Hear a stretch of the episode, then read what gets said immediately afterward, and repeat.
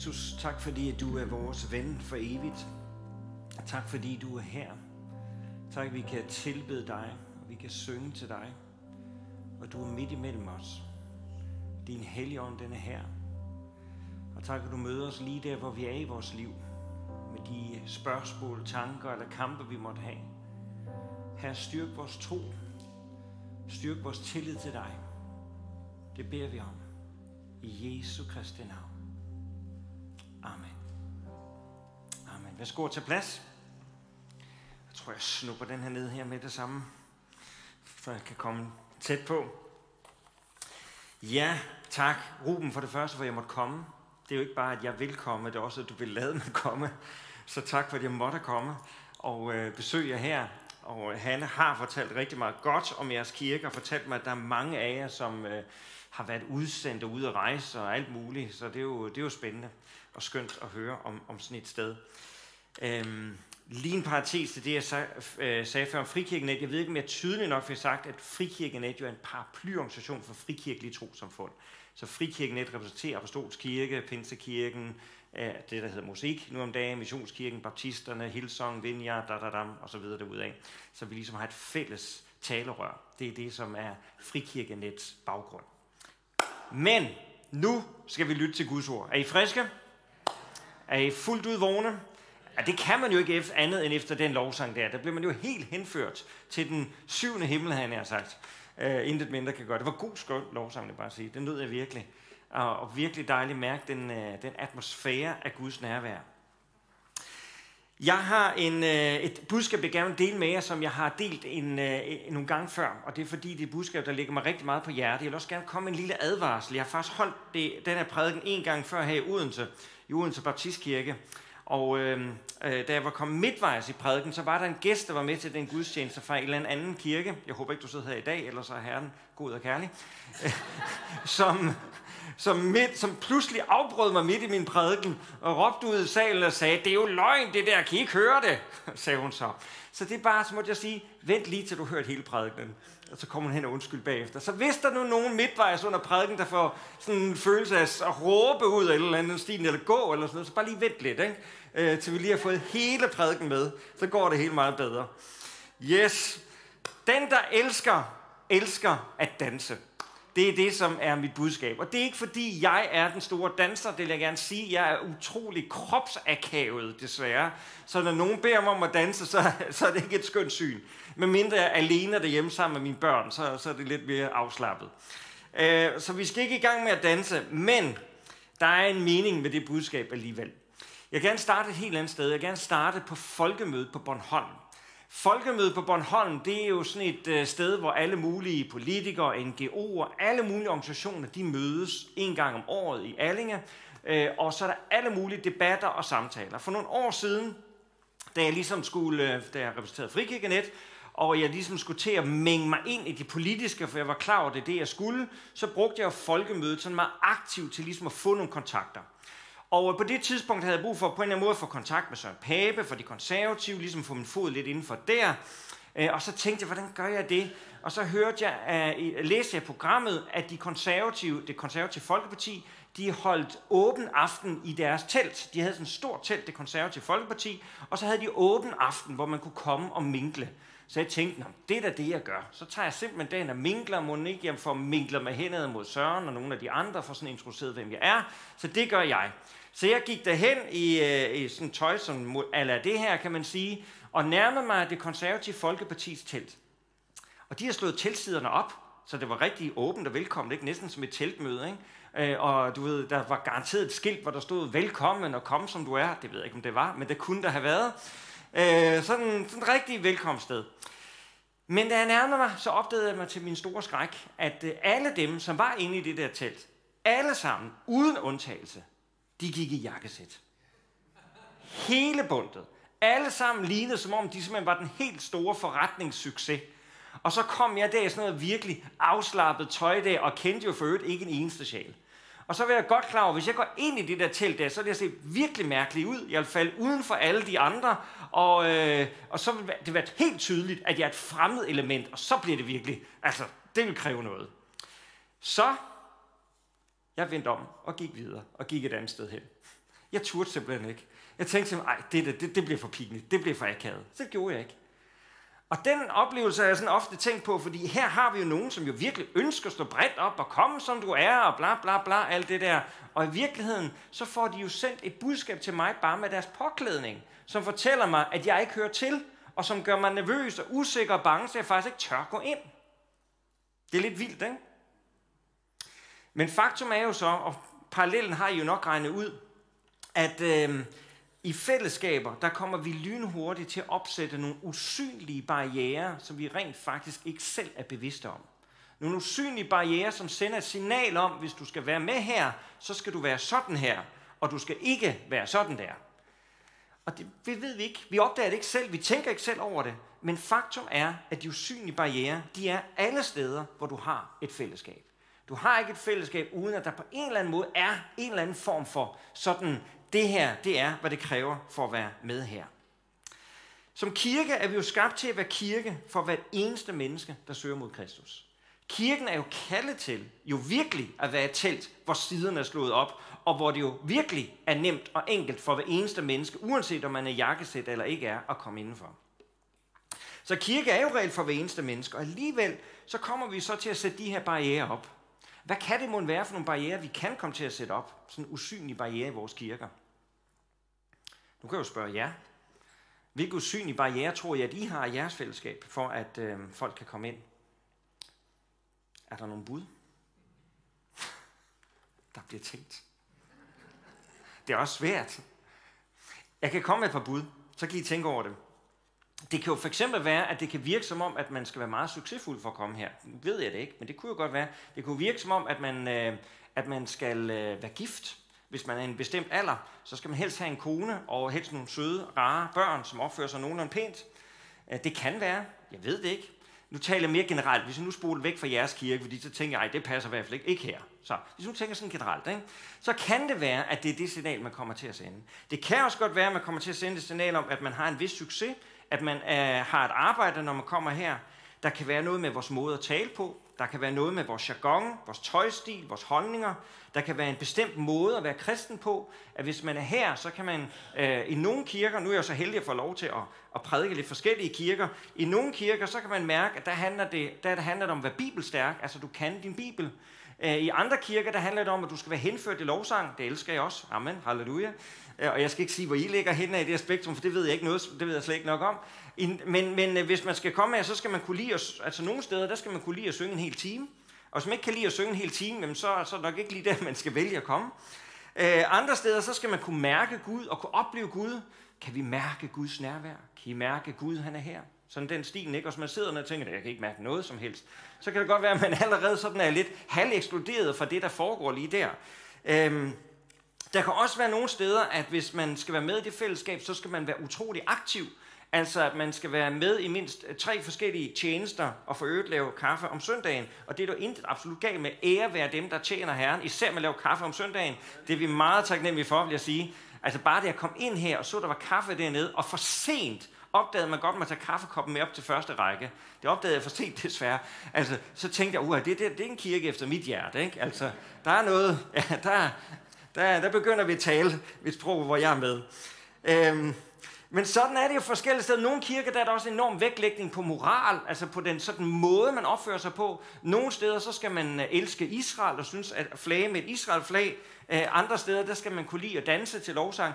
Alle mulige ting og sager. Og ærligt talt, så er nogle steder, så skal man være lidt sjov for en del af vores kirke. Fordi nogle steder, at det er jo selvfølgelig ikke her, fordi I er de normale, vil jeg sige, ikke? men andre steder, så skal man være lidt underlig nogle gange, altså lidt sjov, sådan, fordi I får bare lige sådan at passe ind. Fordi at vi er blevet så vant til at være sammen nogle gange nogle steder. Vi er blevet vant til vores jargon og vores sprogbrug og vores måde at være på over for hinanden, så vi ikke rigtig ser det længere. Man tænker ikke over det. Sådan er vi jo bare, så vender vi os til det, så er det sådan, det er.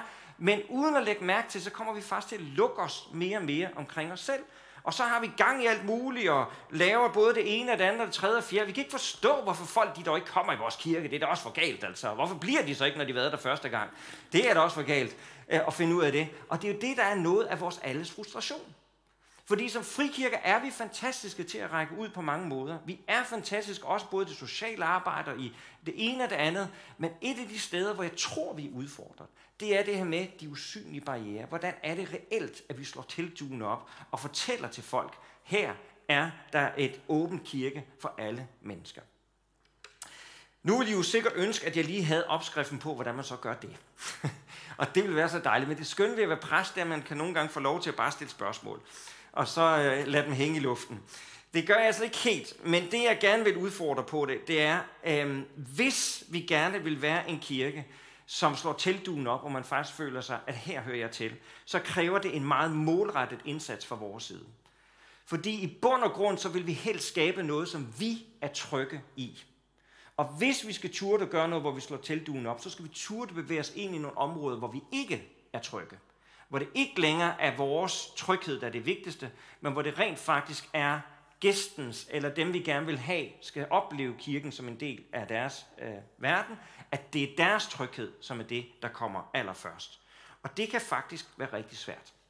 Og nu vil jeg gerne tage jer med til et sted i Bibelen, som ligesom fortæller om, hvorfor det kan være rigtig svært, men også fortælle noget om, hvor vigtigt det er at lave den der meget målrettede indsats. Jeg vil gerne give et eksempel fra det nye testamente på Paulus, og hvor langt han var villig til at gå for at sikre sig, at teltduene de blev slået op for alle.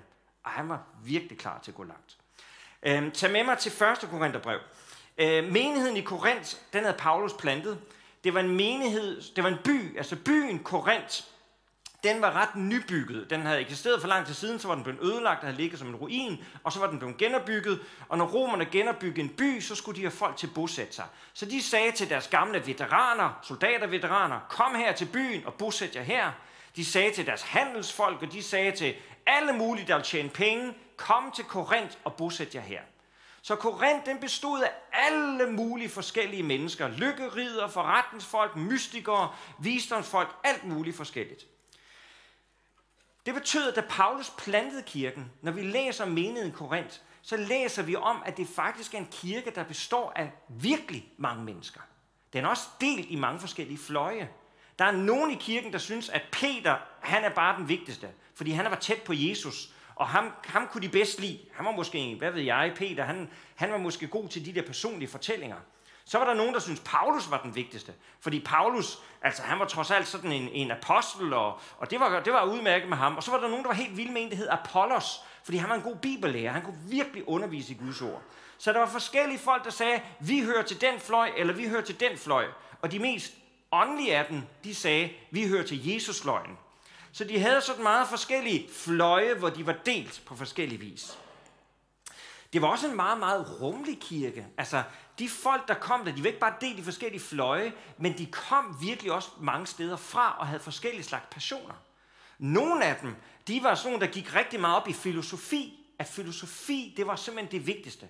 Andre, det var mystikere, som gik op i sådan den mystiske oplevelse af Gud, kan, man, kan vi læse. Og så havde de mange forskellige holdninger. Nogle, de troede ikke engang på opstandelsen på Kristus. De troede ikke engang, Jesus opstod for de døde nu. Der var nogen, der mente, at, at, at det der med kristendom, det var sådan en hemmelig visdom, som kun nogle få indvidede mennesker kunne få indblik i. Så var der dem, der mente, at øh, sex, det var helt forkert. Det var noget, som man skulle afholde sig fra, og man skulle virkelig sørge for, at det var, det var syndigt.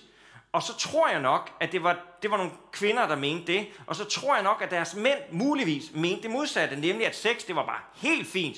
Og det var helt okay, hvis man gik til en prostitueret. Det var der ikke nogen problemer i, fordi det var bare en krop, altså sex og en krop.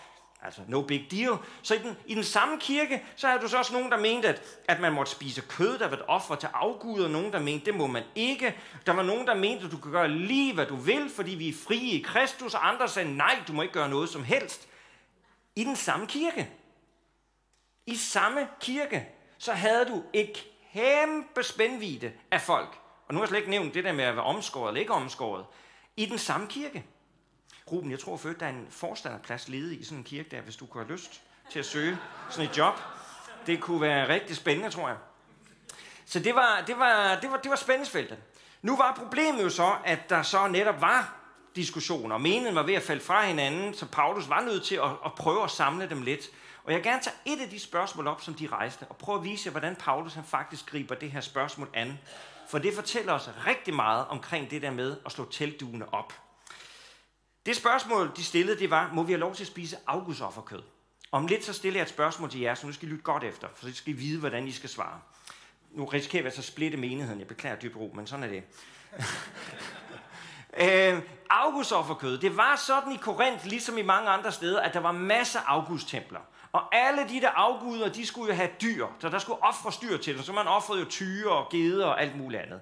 Og dengang, der gik man også ind for genbrug. Det var meget heldigt. Så når man nu havde offret en tyr, så var det jo synd at smide det gode tyrekød ud bagefter.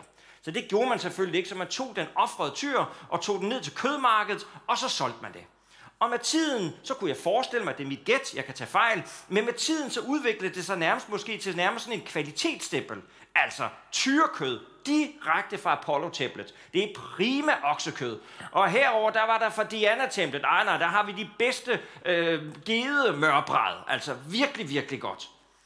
Og så var det jo det særlige ved det, at når man købte kød, der havde været offret til Apollo, så betød det, det ligesom at være igennem en særlig velsignelsesproces, fordi det har været offret røgelse på, og der har været alle mulige formularer, der var blevet sagt over det. Så når du sad og spiste din gode stik derhjemme, så var det samtidig en form for gudedyrkelse.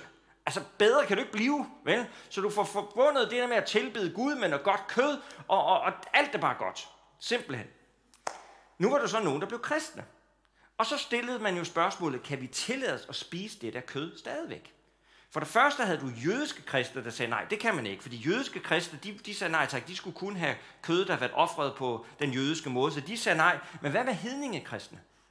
Og der var der så nogen, der sagde nej, vi kan ikke spise afgudsofferkødet. For det første, fordi at det har været offret til afguderne, og før, da vi spiste så tænkte vi, at det var en særlig bøn, så vi kan ikke deltage i at spise sådan noget afgudsofferkød. Og desuden, hvis vi køber afgudsofferkødet, så støtter vi jo afgudstemplerne, så støtter vi den der vranglærer, der bliver udbredt i vores by. Det er da helt fuldstændigt. Det gør vi bare ikke.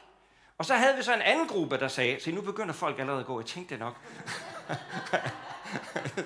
Bare undskyld. så man skal lov til at gå på toilettet, fred og ro.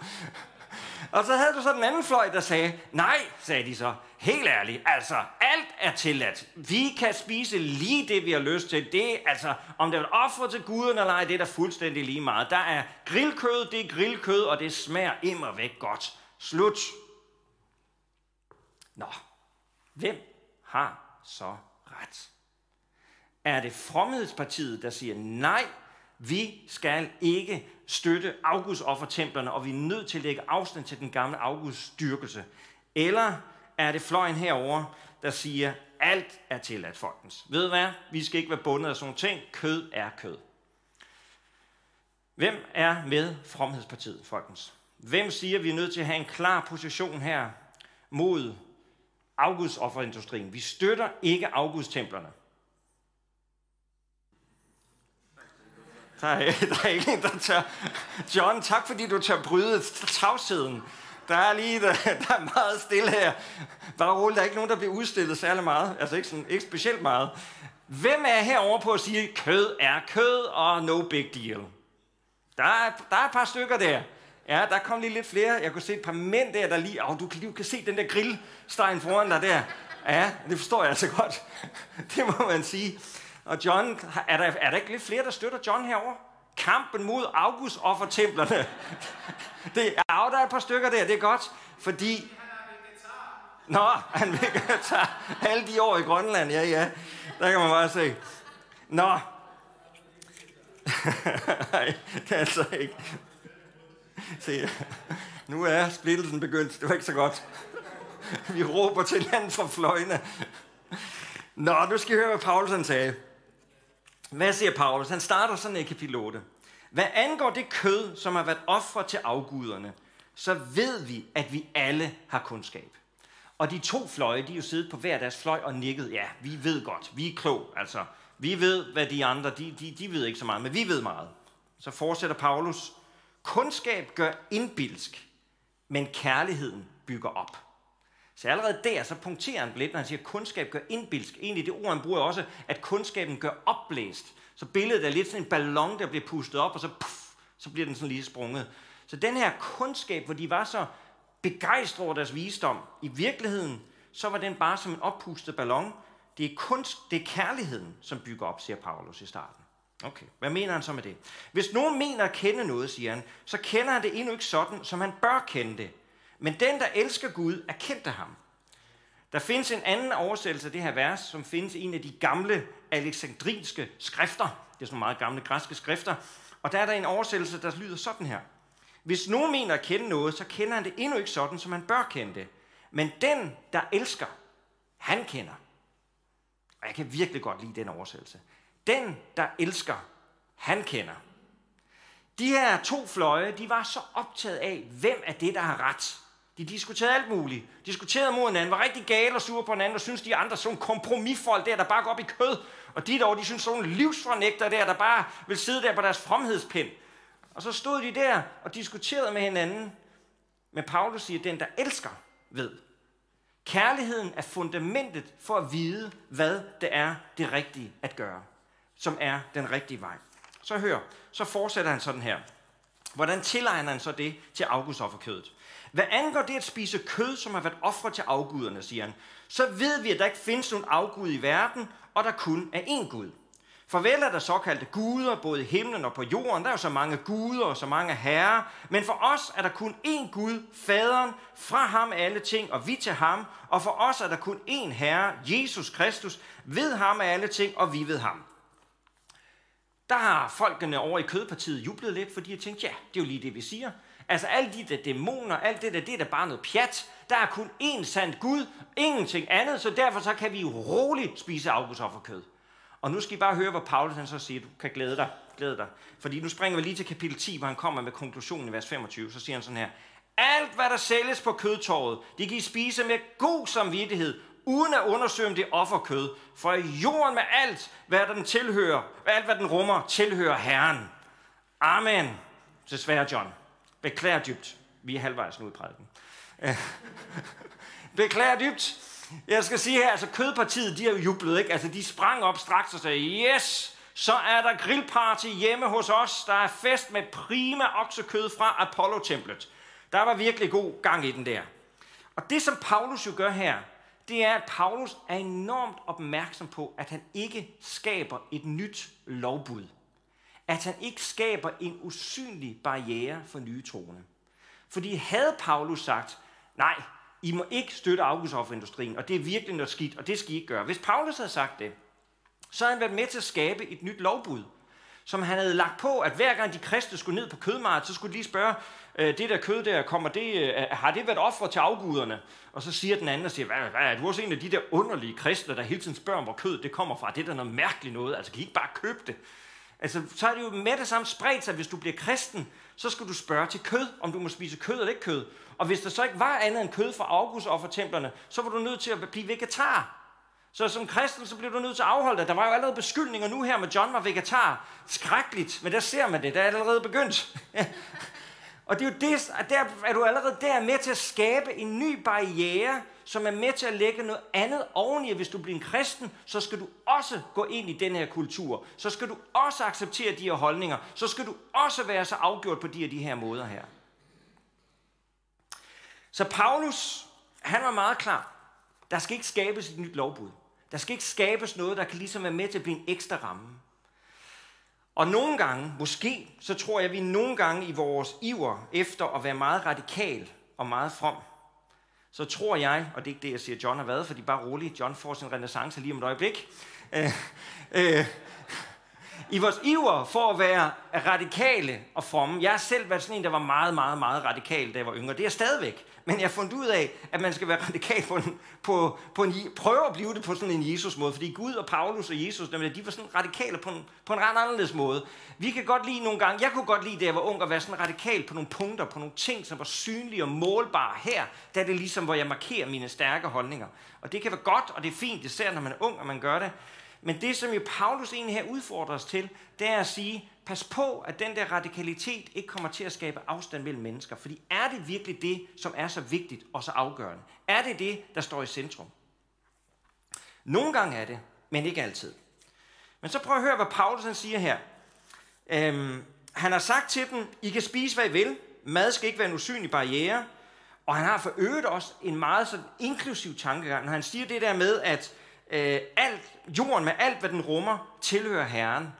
Det er jo egentlig sådan en meget tillidsfuld erklæring til, til jorden, til verden. Det er jo egentlig en tillidsfuld erklæring at sige, alt, hvad den rummer, tilhører Herren. Altså jeg kan huske, da jeg voksede op, så når der kom cirkus til byen, så spurgte jeg nogle gange min mor jo, fordi alle mine klassekammerater, de skulle til cirkus, så spurgte jeg min mor, mor, må jeg godt komme med til cirkus i byen? Og min mor, hun var sådan en dejlig, skøn, gammel pinsekvinde fra en pinsekirke. Øh, så hun sagde jo så, hvad, tænk, hvis Jesus han kom tilbage igen, mens du sidder inde i cirkusteltet.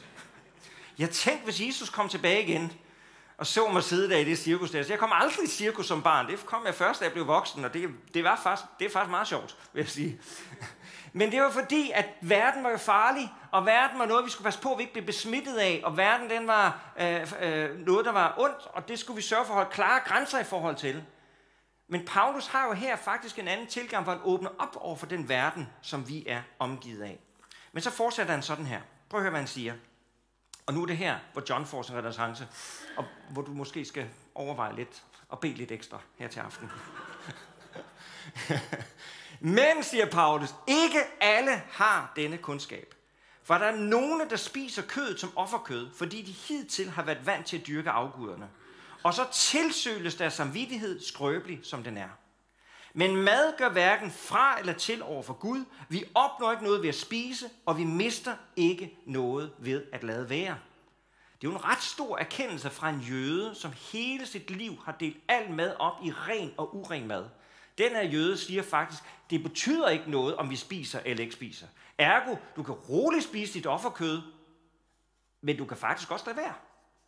Prøv hvad han så siger. Se til, at jeres ret til at spise offerkød ikke bringer de svage til fald. For hvis nogen ser dig, som har kundskab sidde til bords i et augusttempel, vil så ikke den, der er svag i sin samvittighed, blive tilskyndet til at spise offerkød? så går jo den, der er svag til grunde, som følger din kundskab.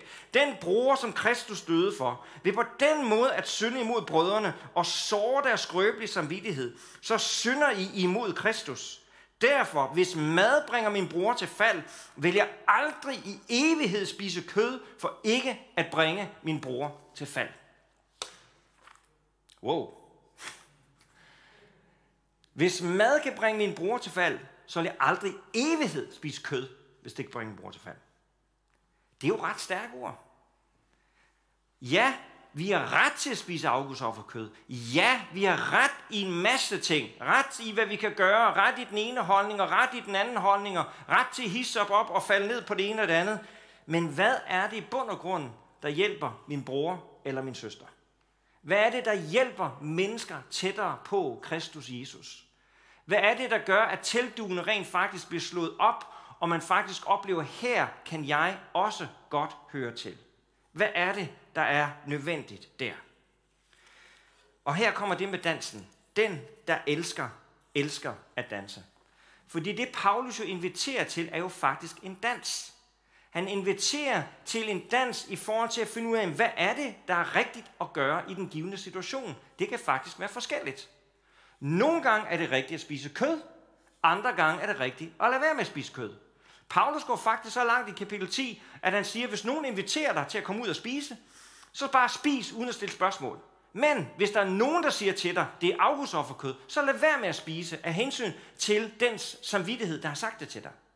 Så med andre ord, når Paulus var ude at spise, hvis Ruben var med, Paulus ude at spise nogle gange der i Korinth, fordi han har sagt ja til den her forstanderjob, for han ikke vidste, hvad han gjorde, øh, så, øh, så når han gik der med Paulus, så nogle gange så gik de ud og mæske sig grillkød fra Apollos-templet. Og næste dag, når de er ude at spise et andet sted, så siger Paulus, nej tak, jeg spiser ikke kød i dag. Eller jeg spiser ikke kød fra Apollos tempel. Eller hvad ved jeg, hvad Paulus har sagt. Og så vil Ruben sige til ham, jamen helt ærligt Paulus, altså i går, der sad vi der og spiste masser af lækker grillstiks, og i dag vil du ikke have noget. Det er da selvmodsigende. Men så Paulus sige, nej, det er det ikke. Det er ikke selvmodsigende, for jeg handler ud fra kærligheden. Kærligheden er den røde tråd. Hvad er det, som hjælper min bror eller søster? Er jeg her med til at skabe et lovbud, som holder nogen væk fra Kristus, så spiser jeg kødet. Er jeg med til herover at være med til at friste nogen til fald, fordi det minder dem om deres gamle afgudsliv, og det, det sårer deres skrøbelige samvittighed, så lad jeg være med at spise det. Det er jo ret stort. Det er jo sådan en dans, som kræver, at man er villig til at sætte sig ind i den andens forståelse, og en dans, der også kræver, at man er villig til at risikere misforståelser. At andre de kan beskylde en for at være dobbeltmoralsk. Andre kan beskylde en for at mene noget, som man rent faktisk ikke mener. Paulus, han er meget tydeligt, når det kommer til det med Kristus. Der er der ikke nogen sling af valsen. Når han skal rydde op i menigheden i Korinth, så er han meget tydelig omkring, at Jesus Kristus er Guds søn, den opstandende. Så det er ikke her, hvor vi taler omkring i, i de grundlæggende øh, Jesus budskab, at det er her, vi taler om, at, du, at det er sådan, at du kan sådan svinge lidt efter, hvad, hvad der lige er bedst, og lige have den holdning. Vi taler ikke om, at du sådan har holdninger omkring Kristus, der skifter. Så de centrale trosting, der viser Paulus ikke nogen tegn på, at der, at der er nogen dans, men når det handler om at formidle de centrale trosbegivenheder. Kristus, der er der intet kompromis, men når det handler om at formidle Kristus, når det handler om alt livet omkring Kristus, så er Paulus virkelig villig til at danse. Så havde Paulus været coach for det konservative Folkeparti der på folkemødet, så tror jeg, han havde været hård og brutal over for dem, og sagt, hvis I gerne vil have et åbent telt for folk, så er I simpelthen nødt til at tænke i, hvem er det, I gerne vil invitere ind. Vil I gerne invitere dem ind, der går i jakkesæt og ligner jer selv, og ligner en succes og ser ud til at styr på det hele? Eller kunne I tænke jer at invitere nogle mennesker ind, som I måske tror kunne være interesseret i at faktisk vende ud af, hvad det konservative handler om, uden at de går i jakkesæt? Jeg tror, at noget af det, som er vigtigt for os i vores kirke, og nu er jeg ved at nærme min afslutning, det er, at vi kan aldrig forlange noget af nogen, som kun et møde med Kristus kan give dem. Vi kan aldrig forlange noget af nogen, som kun et møde med Kristus kan give dem. Vi kan ikke forlange en bestemt moralsk livsførelse af et menneske, som kun en genfødsel fra Kristus kan give. Vi kan ikke forlange nogle holdninger, som vi er overbevist om er rigtige, som det må være Kristus, der føder de holdninger. Vi kan ikke forlange et liv, der lykkes på en bestemt måde, for det er Kristus, der er med til at føde det liv, som er det virkelige liv. I langt højere grad tror jeg, vi skal lære at kunne vandre sammen med de mennesker, som er forskellige fra os selv. Og vores gudstjenester får lov til at afspejle mennesker, der er forskellige fra os selv. Vores gudstjenester får lov til at afspejle en, en, øh, et, et sted, der ikke er, har usynlige barriere, men et sted, hvor man mærker, selvom man er anderledes, selvom man ikke helt måske er enig i alt, hvad der bliver sagt, selvom man har nogle andre holdninger, så er man alligevel velkommen som en del af fællesskabet. Jeg tror, det er vigtigt, at vi arbejder med vores gudstjenester. Hvis jeg skal give et, et enkelt eksempel på det. Jeg talte med en præst, som, øh, eller jeg, jeg talte faktisk, øh, jeg talte både med præsten og med en, en øh, homoseksuel. Øh, og præsten, han er sådan set står samme sted som mig, og sikkert samme sted som Ruben i forhold til sådan en, det, man vil kalde for en konservativ seksuel etik. Men noget af det, han har lagt vægt på, det var, han har lagt vægt på, for eksempel, øh, da han havde, det var sådan en folkekirkepræst, så, så når de her indledningsbøn, så havde han en af, af medlemmerne i kirken, som, øh, som læste indledningsbønden, og det var sådan en, der gik i noget meget flamboyant tøj, og havde røde negle, og hvad ved jeg, og havde en frisyr, der virkelig sagde bare fem. Ikke? Og det var den person, der trådte frem og læste indledningsbønden. Og da den her øh, fyr, som jeg talte med, som var homoseksuel, øh, kom ind i den kirke, så tænkte han, hvis der er plads til sådan en som ham i den her kirke, så er der nok også plads til mig. Og det er jo egentlig utroligt, at bare lige det, bare lige den der indledningsbøn, bare en person med neglelak, det, det kan være, du skal overveje det, øh, så, Nå har Tobias, siger det, det er så fint. Men så, der, er så, øh, der begynder man at få sendt nogle signaler, også med vores sprogbrug, med den måde, vi taler på, den måde, vi mødes på, dem vi knytter venskab med. Vi vil jo allerhelst knytte venskab med dem, der er lidt ligesom os, som vi synes kan give os noget, hvor der er en gensidighed, hvor der er en lighed. Men nogle gange så udfordres vi måske til at turde og knytte venskaber, bruge tid sammen med mennesker, som er meget anderledes end os.